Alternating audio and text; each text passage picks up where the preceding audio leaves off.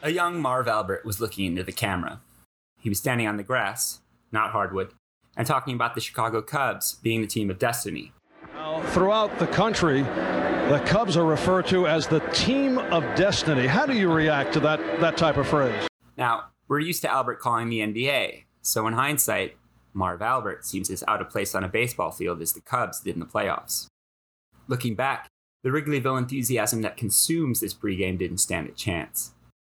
Albert's talking to a recently retired Mike Schmidt, who's kind of dismissing this idea of destiny in sports, but is also kind of just talking about himself. Well, not being a player now, I, I, I, kid around about destiny. I think it might mean something, but inside those clubhouses, destiny means nothing. If this isn't 1989 enough for you yet, it gets better.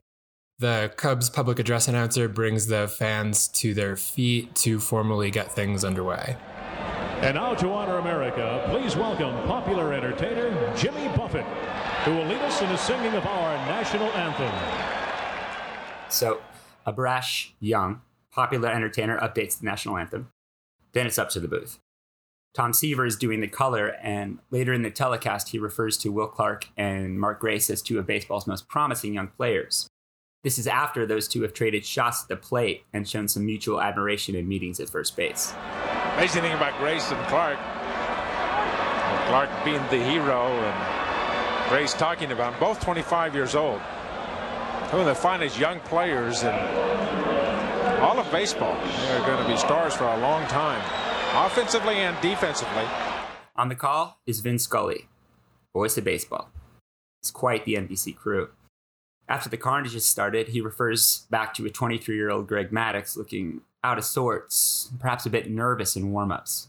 So it's more reactive and obvious than pathetic. I watched him from afar warming up in the Cub bullpen, and a couple of times through the glasses, he'd make a pitch, and I'd watch him, and he would shake his head. He wasn't he very happy, no, was he? No, he was not happy with himself at all warming up. Again, this is in retrospect. We're looking at it in retrospect. Scully and Seaver were commenting on it after the fact. Box scores are always consumed in retrospect, yet when they're good, when they're really good, they wow us even when we already know what happened. Right. Back to the first inning. Maddux rocks into that overhead windup of his that's resulted in so much Hall of Fame command for so many years. So here's Butler to start it off. 4 1.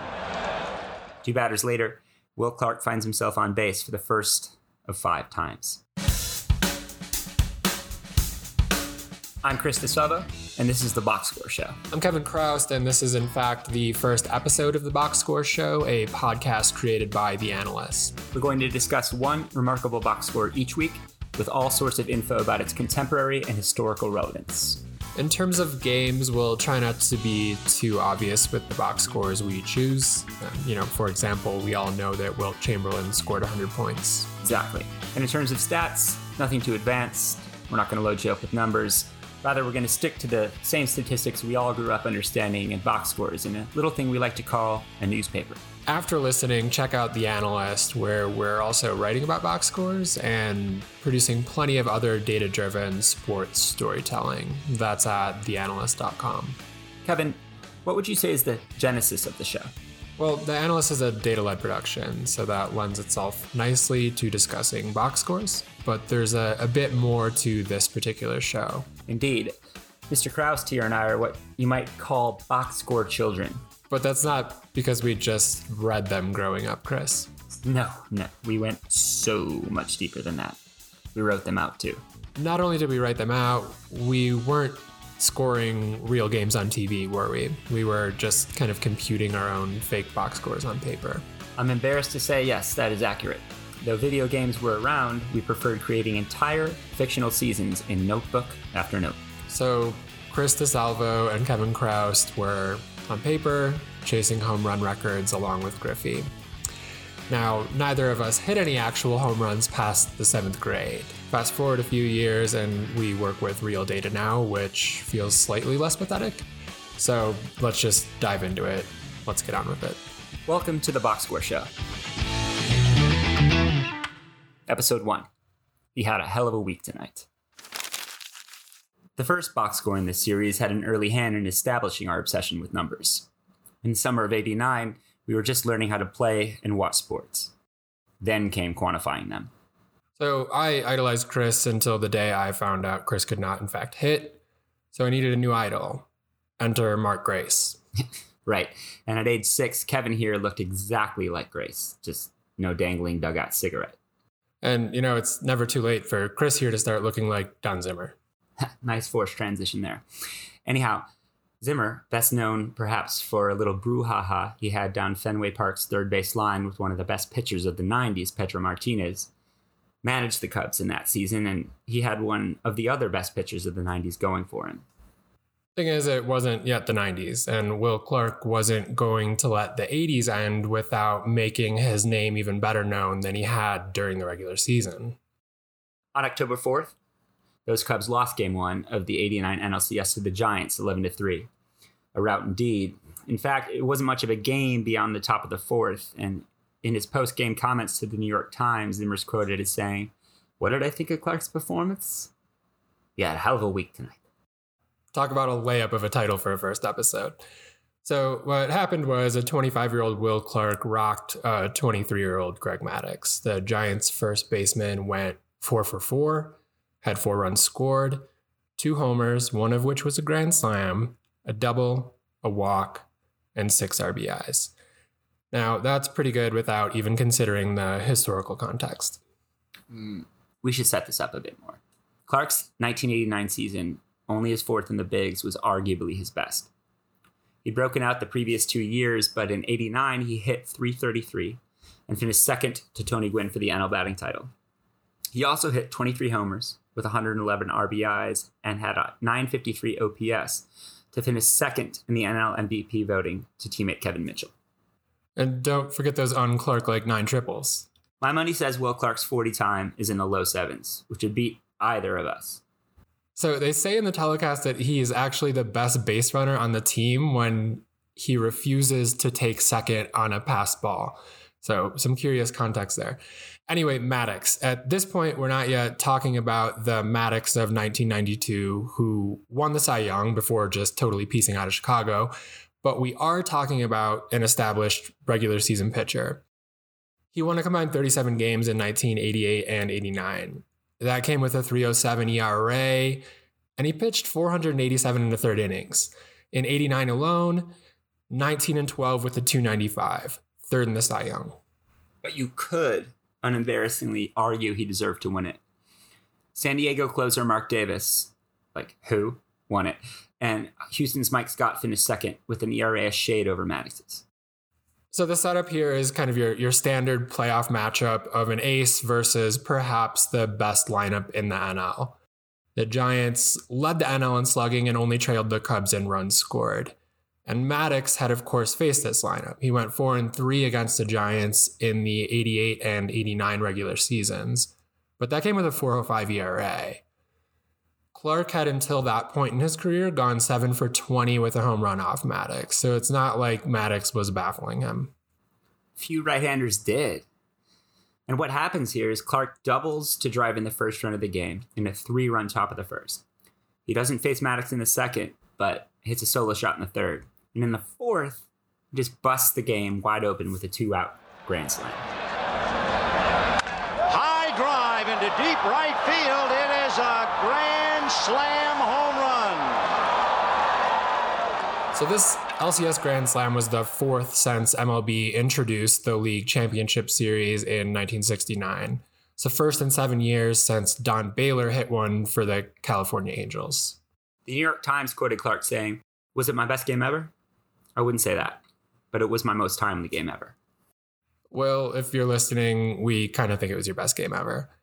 I don't know if timely is the word I'd choose for a game in which you reach base in each of your five plate appearances. And it was at least his best game ever at that time. He was the first player in the 20 year history of the LCS to drive in six runs in a game. Which he did in four innings. That's less than half a professional baseball game. He was the second player in postseason history to have six RBIs in four innings. Bobby Richardson did it for the Yankees in 1960. OPS, not unlike low carb diets, wasn't really a thing then, but his 3750 single game mark matched 1985 George Brett as the best playoff mark ever amongst players with at least four at bats, though it's since been surpassed three times and matched thrice more. Clark had two five hit games in his career, one of which came with seven RBIs two years later. But his 11 total bases in the NLCS game are tied with George Brett again for 13th on the all time single game playoff list behind names like Babe Ruth, Reggie Jackson, Albert Pujols, and then some guy named Bob Robertson. Clark never surpassed that in another MLB game, regular season, or playoffs. His six RBIs also tied what was then a single game playoff record. That's since been topped on five occasions, but no one surpassed the elusive ceiling of seven RBIs in a single playoff game.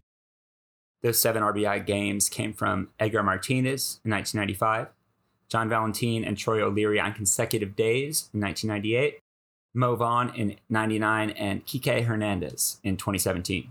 By the way, that Edgar Martinez Mariners Yankees game probably deserves its own box score show. Uh, but anyway, let's get back to one of the nemesises of my childhood.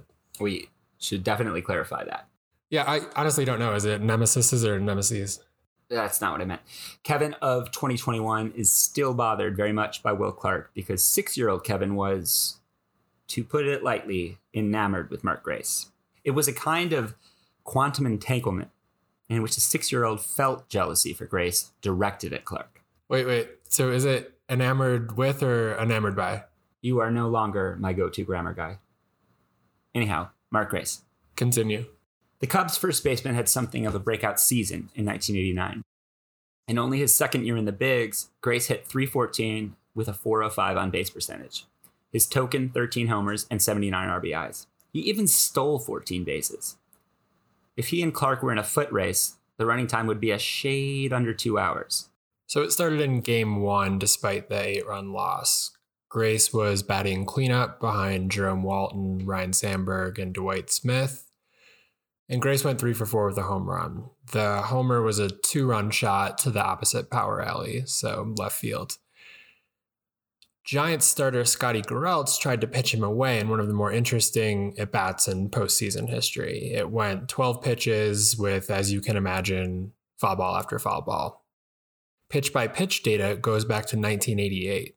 And since then, it's one of four postseason at bats of 12 pitches or more to result in a home run. Interestingly enough, Matt Williams did it in game four of the same series. Garrelts had gone 14 and 5 with an NL Best 228 regular season ERA. After game one, Grace had improved to 10 for 13 with nine RBIs against him. In the regular season career matchups, Grace ended up going 11 for 19 with a homer, two doubles, and eight RBI. That's the best average of any batter to face the right hander nine or more times. Now, Grace and Sandberg combined for 13 total bases in game one, but no one else did anything, well, you know, timely, as Clark might say, to drive them in. Grace's line in game one is mostly relevant because it sets the table for an epic showdown of left handed first basemen born a few months apart in 1964, formerly known as the year the Beatles broke out. Neither relented much as the Giants won the series, four games to one. So Clark ends up going 13 for 20 with eight runs scored, two homers, a triple, three doubles, eight RBIs, and 24 total bases in the series. So a 650 average with an 1882 OPS. Decent. Right. And Grace was 11 for 17 with a homer, a triple, three doubles, eight RBI, and 19 total bases. So a 647 average and a 1799 OPS. Also decent. In fact, that 647 average stands as the highest all time for a single postseason in which a player has at least 15 at bats. Clark was hired for the series, but he went on to play four more games as his Giants were overpowered by Oakland in a sweep. So his average dipped to 472 for the postseason. How can you live with that? Second to Grace on that list is Babe Ruth. Wait, wait, say that again. Babe Ruth is second to Mark Grace on a baseball list of any kind. Yes, Kevin. Ruth went 10 for 16 in the 1928 World Series before LCS became a thing. And Grace's 1799 OPS is third all time among those with 15 or more at bats, behind Ruth that year, and Juan Gonzalez in 1996. So there's a, another way to slice this. Both Clark and Grace had 22 plate appearances. The LCS began in 1969, as we said. Among LCS players with 22 plate appearances or fewer, Clark's 24 total bases rank first. Grace's 19 are tied for sixth. Again, so this might be an odd way to quantify it, but I'm doing it this way because plenty of series go six or seven games. These two only had five in 89. Even if you up that to 25 plate appearances or fewer, Clark is second, Grace is tied for ninth. We're talking about a pool of exactly 500 players who have had between 20 and 25 plate appearances in LCS history. So this was a pretty special moment to see as a 6-year-old and kind of, you know, vaguely remember now. But also it was just an interesting series that in at least one way has never been replicated. Despite only winning game 2, the Cubs out hit the Giants in the series by 9. They also had at least 10 hits in all 5 games. So you're telling me that's not supposed to happen? 100% correct. So you're telling me that we had a distorted perception of reality at a young age? Don't blame Will Clark for your shortcomings, Kevin. Anyway, it stands as the only time a team has ever lost a multi game playoff series despite having 10 plus hits in every single contest, which is absolutely 100% the MO for the Cubs. And they left a few on base too, as you might imagine. 43 in five games. That's tied for eighth all time in a playoff series of five games or fewer. And the reason this really hurts is because they lost the last three games by a combined four runs. Okay. Bleacher bums unite. Let's let's take a second to let that sink in. We haven't talked too much about Greg Maddux yet. Uh, let's return to him here for a moment because this was a historically bad start for any pitcher who, at any point in his career, won a Cy Young. He was pulled after four innings and an out too late and gave up eight runs, all earned on eight hits. Right, but we should preface the negativity you're about to hear by saying Maddux wasn't a bad playoff pitcher. In fact, he made 30 playoff starts and had five relief appearances, totaling a 327 ERA, which is only a shade over his career 316 regular season ERA. And this man's prime overlapped with an offensive renaissance in baseball that's really hard to argue. But that doesn't hide the fact that this was a, a bad start. How bad? Well, Maddux and Jake Peavy are the only pitchers in MLB history to allow eight runs in their first postseason starts. Right. He and Pete Alexander of the 1928 St. Louis Cardinals are the only future Hall of Famers to allow eight earned runs in a postseason start, though Clayton Kershaw will inevitably join him. And Maddux Peavy, Kershaw, and CC Sabathia are the only pitchers to have won a Cy Young at any point in their career to allow eight runs in a postseason start. Anyhow, he went 11 and 14. Plus one super impressive save in 1998 with the Atlanta Braves. In those playoff games, but we all remember how little run support he got with the late 90s, early 2000s Brave teams. We bring this up because he had another four inning clunker in the 2000 postseason. The Cardinals beat the Braves 7 to 5. Maddux allowed seven runs, five earned this time on nine hits. Batting cleanup, playing first base for the Cards, was a 36 year old Will Clark in his final season, who in a six run first inning hit an RBI single off Maddux and, of course, came around to score. So the man who haunted six year old Kevin Chroust' dreams also contributed to two runs in a two run final to haunt Maddux yet again. The Cards wound up beating the Braves before losing to the Mets, but Clark hit 345 with two homers in seven playoff games. The following year, Bob Brenly, the same Bob Brenly who was a teammate with Clark for those 1989 Giants, managed a 37 year old Mark Grace to a World Series ring with Grace sparking an Arizona rally to famously beat Yankees closer Mariano Rivera. Clark never got his ring, but you could say he quit too soon. In 2000, he hit 319 in 130 games with Baltimore and St. Louis. In his last four seasons, he wound up hitting 313, which amongst players since 1940 with at least 1,500 plate appearances in those final four seasons has only been bettered by Roberto Clemente, Ted Williams, Kirby Puckett, and of course, John Kruk. So, how did it end for Grace and Clark? Well, both first basemen finished their career with identical 303 regular season averages. Grace hit 329 in the playoffs. And Clark bettered that by four percentage points, in part because he had one more hit than Grace on October 4th, 1989. That's it for the box score show. We used archive audio from MLB to report those calls correctly, and it should be pointed out that we wouldn't be able to do this show without the Stats Perform research team. For this episode, Tim Baser, Jacob Jaffe, and Sam Hovland provided research support and necessary fact checking because Chris and I tend to screw things up. Every day. This episode was written by Kevin Chroust and produced by Graham Bell. Thanks for sticking with us through episode one. We'll be back, and until then, head over to theanalyst.com for plenty more data driven storytelling and a handful of other audio and video series. You can send suggestions for box scores you'd like to hear about on the show or read about on the site to editors at theanalyst.com. And definitely let us know what we may have overlooked from this box score. That was Kevin Chroust, and I've been Chris DeSalvo. For episode two, we're going to trade the diamond for the deck with the Admiral. This has been the Box Score Show, a production of The Analyst and Stats Perform.